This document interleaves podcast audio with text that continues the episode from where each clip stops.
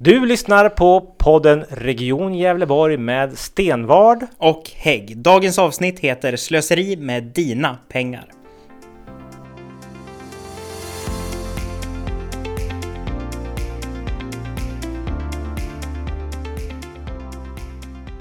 Välkommen till det nya avsnittet av vår podd. Det här avsnittet kommer att handla om slöseri, men det är inte vilket slöseri som helst, utan det är slöseri med dina skattepengar. Eh, hela idén med det här programmet kom upp i eh, egentligen utifrån att vi moderater i regionen faktiskt anmälde eh, Region Gävleborg till Slöseriombudsmannen. Så jag kommer in lite grann på vad Slöseriombudsmannen är, men allt det där kommer ifrån vår vindkraftssatsning vi gjorde för eh, flera år sedan. Alexander, berätta för oss vad de här vindkraftverken, vad är det för någonting? Så här är det ju att för nio år sedan eh, så fattade man beslut inom regionen på att, då hette det ju landstinget till och med, på att man skulle investera 85 miljoner kronor eh, på vindkraft nere, inte ens inom i, i Gävleborg, utan nere i Kalmar län. Um, och ända sedan man liksom fattade det här beslutet har det bara kantats av skandaler och problem. Det har varit olaga intrång på området. Det har varit boenden i närheten som har klagat. Det har varit massa fladdermöss som har flugit runt där och orsakat massa problem. Och fortfarande efter nio år med en grund, grundkostnad på 85 miljoner, massa tilläggskostnader. Det kostar fortfarande pengar än idag, så är de fortfarande inte godkända de här vindkraftverken. Så det är väl anledningen till att vi tyckte att det var dags att anmäla till Slöseriombudsmannen som eh, brukar granska, eller som brukar, som granskar eh, slöseri med skattepengar runt om i landet. De släpper ju en bok, eh, har de gjort, där man tar fram de här slöseriexemplen. Eh, nu han, kvalar ju inte vindkraftverken in i den boken den här gången, utan han visste faktiskt inte om att det fanns det här slöseriet. När vi berättade för honom så eh, vart han helt häpen och det är ju en historia som är värd att berätta för eftervärlden. Men det finns andra exempel i den här boken som man lyfter fram som har lokal koppling och det berör ju dig också lite grann, eller hur Alexander? Ja, jo, alltså... Och mig också kanske lite grann. Och dig också, för det är ju faktiskt vi som betalar skatt. Och det är ju biogasen tänkte jag på. Du tänkte på biogasen? Biogasanläggningen i Gävle. Ja. Det är ett, ett exempel på, som han lyfter fram som ett slöseri och det är ju, har vi varit eh, väldigt tydliga med att vi inte gillar och eh, nu får ju du och jag ta hand om det där i regionen i och med att våra bussar tvingas nu gå på den där biogasen som Mm. egentligen ingen vill ha. Och jag menar, det är ju en investering som man kan se på idag kanske redan som lite utdaterad. För jag menar, det finns ju idag 2020 liksom bättre, mer effektiva, miljövänligare saker att driva kollektivtrafik och fordon med än just biogas. Men det får vi återkomma till i ett annat avsnitt. Det positiva med biogasen är ju i alla fall att det ligger ju i alla fall i det här länet. Till skillnad från vindkraften. Ja. Ja, alltså det var någonting, så, någonting lite gott i den kanske ändå på något sätt. Men vi tänkte vi skulle prata lite grann om slöseri i det här avsnittet. Och det här var ju bara upprinnelsen till hela, till hela idén här. Och eh, det finns ju då, som man kan läsa i boken, också väldigt många exempel. Och jag, jag är helt övertygad om att det finns fler exempel i regionen om just det här slöseriet. Vad är ditt värsta slöseri som du har sett att regionen har gjort? Jag vet att runt den tid jag varit politiskt aktiv så valde regionen att investera i ett Stockholmskontor. Det Ja. känns ju lite, var, vad ska vi Region Gävleborg med ett kontor i Stockholm till? Jag menar, det känns ju väldigt skevt så. Och jag förstod, har aldrig riktigt förstått eh, vad man skulle ha kontoret till. Vad det skulle vara bra för. Ehm, jag menar när man ändå driver ändå viktiga saker som man har sjukvård, vi har folkhögskolor, vi har kollektivtrafik. Så tycker man liksom, nej men en investering, en kontorslokal i Stockholm ändå är bra. Det var ju inte vilken lokal som helst, det var ju precis utanför station på Kungsgatan. Det är ju på, inte, alltså det är ju på en, ett dyrt ställe att ha lokal också. Ehm, och nu är det här tack och lov nedlagt. Man insåg kanske inte att det var så smart. Eh, det som är lite kul är ju fortfarande att den styrande majoriteten försvarar eh, det här Stockholmskontoret och tycker att det nästan är lite tragiskt att det har lagts ner. Eh, vet kanske inte om jag delar den uppfattningen med styrande majoriteten. Nej, det är väl ett, ett, exempel på att man kanske kan göra bättre saker med våra skattemedel. Men vad tycker du är det värsta slöseriet vi har hållit på med inom regionen? Ja, det finns, det finns mycket att ta av och man har varit med några år och, och det som jag ändå nog skulle vilja lyfta fram det är nog våra satsningar i Almedalen som regionen har gjort. Man har ju varit under flera år, eh, satsar man på att vara i Almedalen, synas, höras, vara aktiva.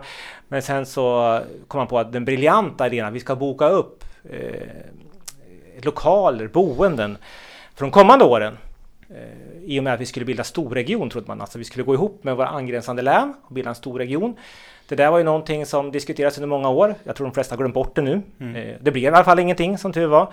Men då står ju regionen där med Svarte Petter och hade bokat upp konferenslokaler, boenden för eh, miljontals kronor eh, som inte fick tillbaks.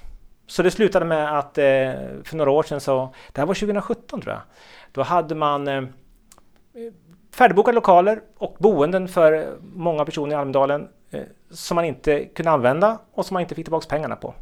Så det var ju väldigt uppmärksammat i media. Så det är väl och ett. tåls att säga igen att de här pengarna är ju, kommer ju från skattebetalare. Det är liksom inte pengar vi själva har liksom fått in liksom så från försäljning utan det är skattebetalarnas pengar. Precis. Som och man är otroligt icke varsam med.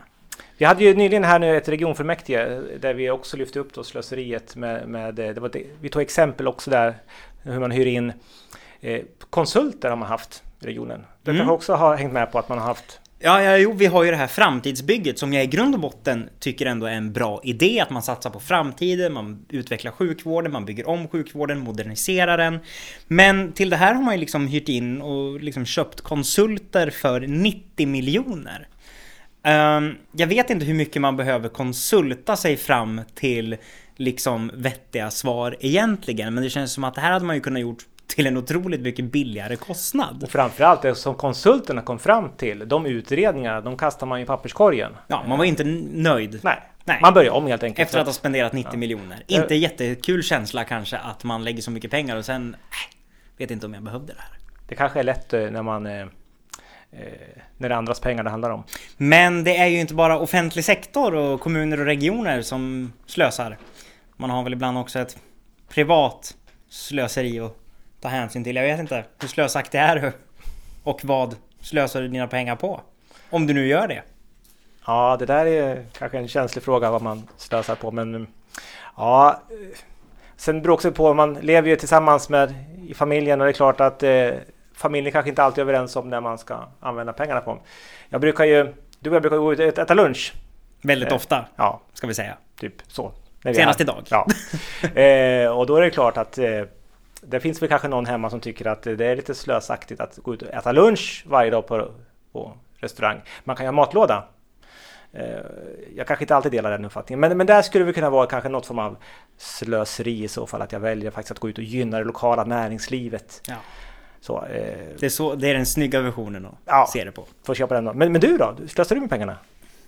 Jag, kommer på, jag har ju nämnt det tidigare här i podden att jag har jobbat på Coop. Och då har jag ju stått i speldisken Eh, och eh, väldigt många kunder är ju så här att Nej men jag tar en triss också.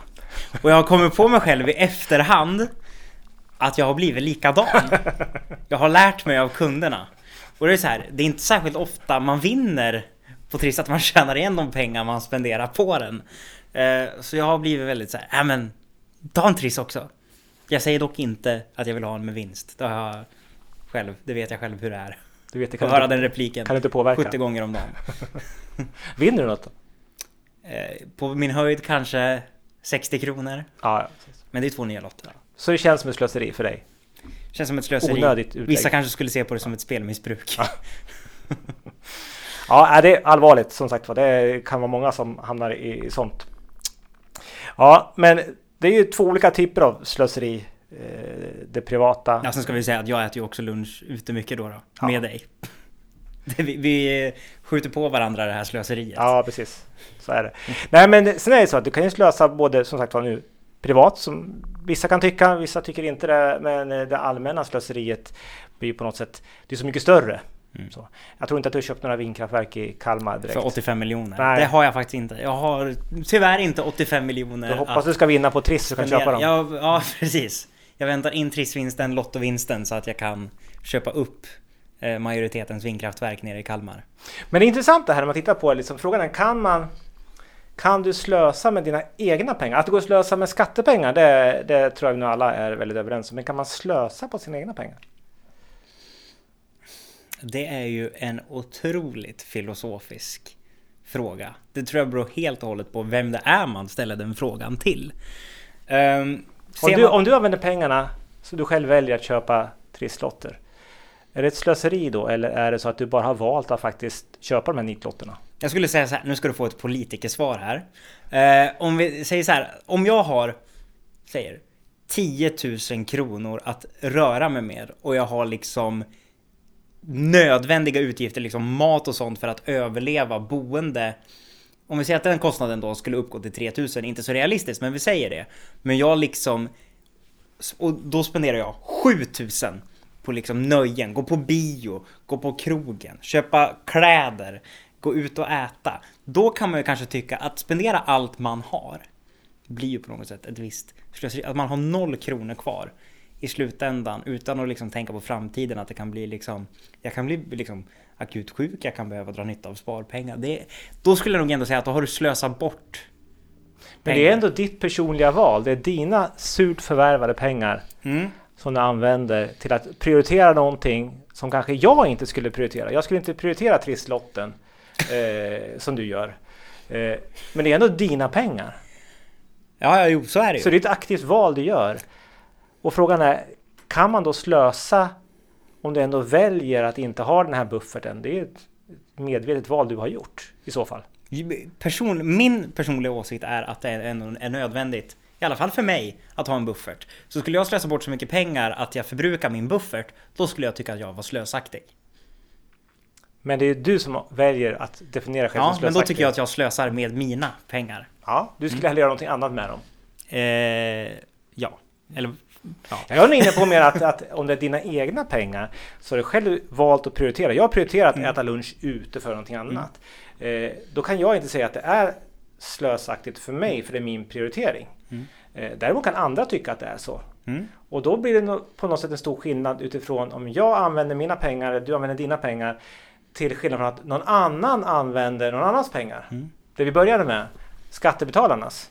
Mm. Då blir det mer någon annan som slösar bort dina pengar. Mm. Och då tycker jag nog att man kan prata om ett, ett, slöseri på en helt annan nivå. Just att någon tar mina pengar och lägger dem på skit. Mm. Då är det klart. Det Rent tycker jag är slöseri. Ja, det tycker jag är slöseri. Men om jag väljer att köpa vindkraftverk för mina pengar. Det måste vara. Jag har ändå valt det. Så här, jag skulle inte... Jag kan ha åsikt. Man kan ju alltid ha åsikter om hur människor agerar och vad de gör. Liksom både som offentliga personer men som privata personer. Uh, jag skulle aldrig vilja... Jag skulle aldrig tvinga någon eller liksom komma med pekpinnar gentemot en privatperson som har förvärvat sina egna pengar och säga Du måste lägga pengarna på det här. Det tycker jag väl inte att man ska göra. Men med det offentliga så blir det ju lite annat. Det är ju våra gemensamma pengar som i grund och botten kommer från en människa som har liksom gått till jobbet, som har slitit sina timmar på jobbet, tjänat ihop sin lön och sen, ja, vi måste ju ta ut skatt, så är det ju. Eh, vi moderater tar väl gärna ut mindre än vad exempelvis Socialdemokraterna vill.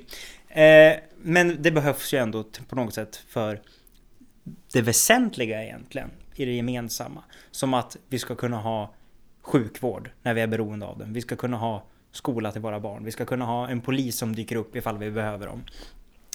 Så när då man driver igenom eh, politik som innebär att man köper upp vindkraftverk för 85 miljoner kronor eh, typ 70 mil ifrån Gävleborgs län. Ja, då kanske, det är ju ett slöseri då. Då har man slösat bort människors intjänade pengar som skulle tillhöra det gemensamma. Så man kan dra slutsatsen att du kan slösa bort andras pengar men kanske inte riktigt dina egna? Eh, sak, vill du slösa bort dina egna pengar då är det ändå ditt ja. val. Det påverkar inte någon annan. Eh, det ska liksom inte vara någon annans problem än ditt eget. Men när makthavare slösar bort pengar som kommer från andra, då tycker jag nog ändå att det är ett problem. Då har man liksom ingen respekt för de enskilda individer som har tjänat in de här pengarna som vi skulle förvalta och använda på bästa möjliga sätt. Men vad gör vi då för att inte de ska slösa bort eller att det ska slösas av offentliga medel? Har du något tips vi kan göra där? Jag tänkte den här boken, mm. den tänkte jag nästan vi skulle kanske köpa in och kanske ge till, till majoriteten. Våra, till majoriteten och se exempel på hur de inte ska göra. Mm. Vi kanske ska göra en egen bok. Vi kan ju skriva en hel berättelse om våra slöseriaktiviteter i regionen. Men att det är en del, att, mm. att synliggöra dem, det är en del va? Det tror jag i grund och botten kan ha att göra med att om man sitter vid makten så länge som de har gjort, jag menar då jag alltid varit en socialdemokrat på ordförandeposten inom regionen eller landstinget, att när man är vid makten så länge och man är så van med att det kommer in pengar och nu ska jag bestämma hur de här används. Att man liksom inte ens, man ser inte skillnad på liksom investeringar kontra slöseri. Vad som är nödvändigt, vad är inte nödvändigt. Så jag tror nog mm. att den bästa medicinen för majoriteten att lära sig hur man på bästa möjliga sätt ska förvalta skattepengar det är att de inte längre blir en majoritet. Utan att någon annan som faktiskt ser lite från utsidan och som har lite andra idéer på hur man ska använda skattebetalarnas pengar tar över makten här. Det vill säga vi. Det kanske den frågan ska ställas till, till dem istället. Men, men känner du att, tror du att de själva ser sig själv som att de slösar bort pengar? Eh, nej. Så att det egentligen är vem som... Jag tror att de kan, jag tror kanske inte de är nödvändigtvis nöjd med hur de alltid har hanterat pengarna. Jag tror att de ändå kan, ibland kan självrannsaka sig själv. Eh, men i grund och botten tror jag inte att de ser eller så är det så här att hela. man ser det efteråt först. Oj, det där mm. kanske var onödigt. De där vindkraftverken eller den där lokalen vi hyrde i Stockholm kanske mm. inte var nödvändigt. Men då kommer ju då prestigen in att kunna erkänna. Ja, det var kanske inte så smart tänkt. Eh, nu håller man ju fast vid både vindkraftverk och Almedal och eh, lokaler i Stockholm med näbbar och klor. Det var rätt då, men nu har vi gjort en annan bedömning. Så det kan ju faktiskt vara så att man efteråt kommer på att det här kanske var ett slöseri, men det är väldigt svårt att Apropå det, vi pratade ju tidigare i avsnittet om framtidsbygget och vi fick ju igår eh, lära att det kommer behövas eh, 123 miljoner kronor ytterligare till hus 7 och 8 på Hudiksvalls sjukhus inom just framtidsbyggesprojektet. Då är det lite befriande, apropå det vi pratar om, när man läser ändå att ett av Socialdemokraternas regionråd ändå gör en form av självrannsakan och eh, ändå säger att det här med byggherreskostnaderna lite grann som drog iväg går ju nog kanske att eh, revidera lite och se över om det verkligen var så bra. Så det finns ju någon form av självinsikt eh, bland majoriteten i alla fall. Och det kan ju vara lite befriande att höra. Absolut. Men det är mycket som händer just nu runt om i samhället och vi kan ju inte låta bli att beröra den som kanske upptar den mesta delen av tiden för oss politiker men ja, framförallt också för våra medarbetare såklart. Det är ju pandemisituationen som, som råder. Mm. Eh, en månad sedan, sedan sist vi, vi hade den här inspelningen och eh, det har ju hänt mycket sedan dess. Ja. Det blev ju inte kanske riktigt eh, så Krisen kom inte riktigt så pass snabbt som vi trodde då. Eh, att anstormningen av, av patienter skulle bli. Det känns som att det är relativt lugnt än så länge. Det är, det är klart det händer mycket på sjukhusen. Vår personal sliter hårt. Eh, men eh, vi var förberedd på, är förberedd på att det kommer bli ännu värre de kommande veckorna. Så att, eh, vi är lite grann i, i väntan för att se vad som, vad som händer. Mm. Och det enda vi som politiker kan göra i det här läget är ju egentligen bara att skapa förutsättningar för vården och vårdpersonalen att sköta den här situationen. För det är de som sitter på expertisen, det är de som sitter på kunskapen. Vi politiker Visst, vi kan väl detaljstyra vården, men det ska vi inte. Det ska vi inte göra överhuvudtaget, men framför allt inte i sådana här situationer vi litar på att vi har, eh, vi vet att vi har duktiga medarbetare. Både de som jobbar ute på och möter patienterna direkt men också på våra ledningsfunktioner som, som jobbar med det här i stort sett dygnet runt. Mm. Men det är också ett nytt politiskt landskap vi går in i. Som du sa, vi hade fullmäktige här nu eh, och det var ett helt annat typ av fullmäktige än tidigare. Det var bara 41 ledamöter istället för 75. Mm. Vi satt med armlängds avstånd. Yes. Eh, vi hanterade bara de mest akuta frågorna. Eh, nerkortat fullmäktige. Så det är klart, det är helt nytt politiskt landskap och den här politiska striden som brukar vara kanske inte är lika het just nu. Våra fullmäktigesammanträden brukar ju vara ganska hetska i normalfallet med ganska bitsk ton. Eh, och brukar vara ganska Eh, hårt tonläge så mellan majoritet och opposition i talarstolen. Eh, jag tycker, upplever att man överlag nationellt, regionalt, kommunalt har kommit in, även fast man kanske inte i alla lägen har avtalat borgsfred, även fast man kanske ibland ryker ihop och stöter och blöter idéer, eh, tankar och åsikter politiker emellan så upplever jag ändå att man känner väl någonstans att vi är i den här situationen tillsammans och situationen kommer inte att bli bättre för att vi bråkar mer om vad som ska göras och inte politiskt. Samtidigt får man ju heller inte vara rädd för att lägga konkreta förslag, vilket vi har gjort i regionen gjort. och gjort nationellt. Så det är klart att vi måste ju ändå lägga konstruktiva, konkreta förslag och försöka se om man kan hitta bra och bättre lösningar utifrån vårt perspektiv, det politiska perspektivet. Men vi kan väl ändå se att det är någon form av nytt politiskt landskap vi går in i, men frågan är vad är vi går ut i när den här krisen har blåst över. När det nu sker, det vet vi ju inte heller. Va? Men hur kommer samhället och politiken se ut efter? Och det är egentligen där vi ska försöka vara förberedda på nu. Att förbereda så gott vi bara kan inför det som kommer efter coronakrisen. Och då handlar det mångt och mycket om att se till att vi är förberedda på att kunna stärka våra företag så att inte företagen går omkull. Rädda så mycket jobb vi bara kan se till att välfärden fortsätter att fungera även efter. Vi ska ju komma ihåg att för att hantera det här läget eh, 77% av den planerade vården eh, om man tittar, ja 77 var det vad det gällde operation tror jag, eh, är ju inställd nu. Men den planerade vården ställs ju in. Så sjukvården kommer ju mötas av ett berg av saker som har skjutits på framtiden när pandemikrisen är över som måste hanteras. Och så ser det säkert ut, inte bara inom sjukvården, men om man tittar runt om i samhället. Företag, andra verksamheter inom offentlig sektor. Vi kommer behöva möta upp för vi har skjutit massa beslut på framtiden i och med det här. Så man kommer ju möta upp saker som man hade fattat beslut om eller gjort saker kring i normalfallet som kommer att ha staplats på hög som ska betas av också innan vi är tillbaka i ett normalläge. Så vi har ju rejäla utmaningar framför oss och vi vet ju inte riktigt när det här tar slut. Om det ens kommer ta slut eller hur det kommer att se ut framöver. Men eh, vi ska väl göra det vi kan utifrån våran, vårat perspektiv för att skapa de bästa förutsättningarna för att det ska bli så, så bra som det bara går. Och eh, då kan det också vara bra kanske lägga den politiska stridsyxan lite grann åt sidan för tillfället. Mm. Men ändå, som vi sa, lägga konkreta förslag på hur man kan göra saker och ting. Att lägga bättre. förslag är ju inte att ta strid. Nej. Striden kommer ju ifall, alltså den politiska striden har ju mycket med tonläget att göra. Och vi har ju också nu sagt att vi skjuter ju på hela budgetprocessen inför 2021 eftersom vi inte vet vad som kommer hända när det gäller våra skatteintäkter, de här som vi pratar om att man slösar bort. Mm -hmm. vi vet inte hur mycket pengar finns att slösa eh, nästa år och då skjuter vi på budgetprocessen. Men där har vi också erbjudit majoriteten att faktiskt titta på våra förutsättningar inför ett budgetbeslut.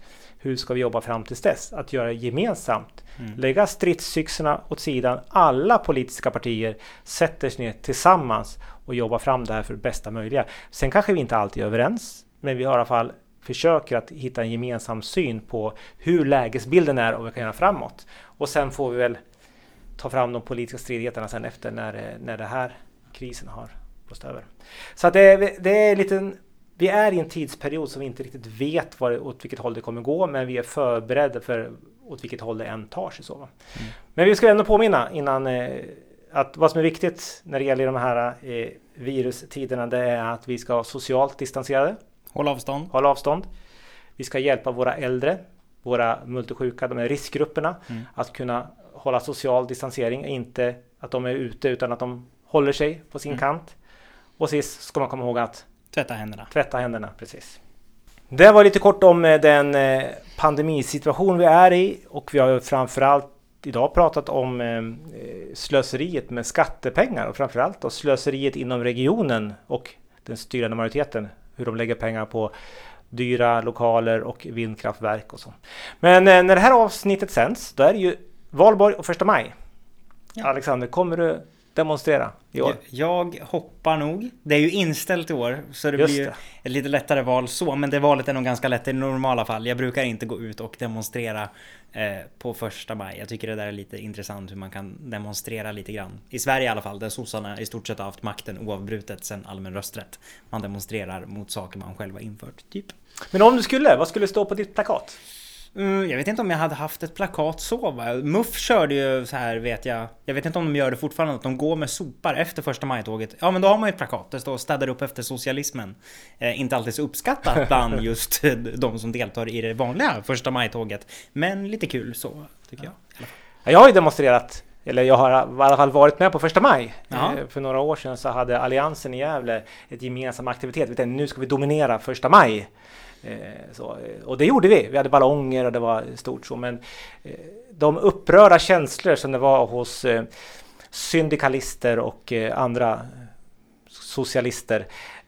Det var ingen bra stämning riktigt så att jag, jag passar nog på att hålla mig hemma, låta dem ha en dag om året så kan ju vi ta alla andra dagar helt enkelt. Så tänker jag. Så tänker vi. Ja.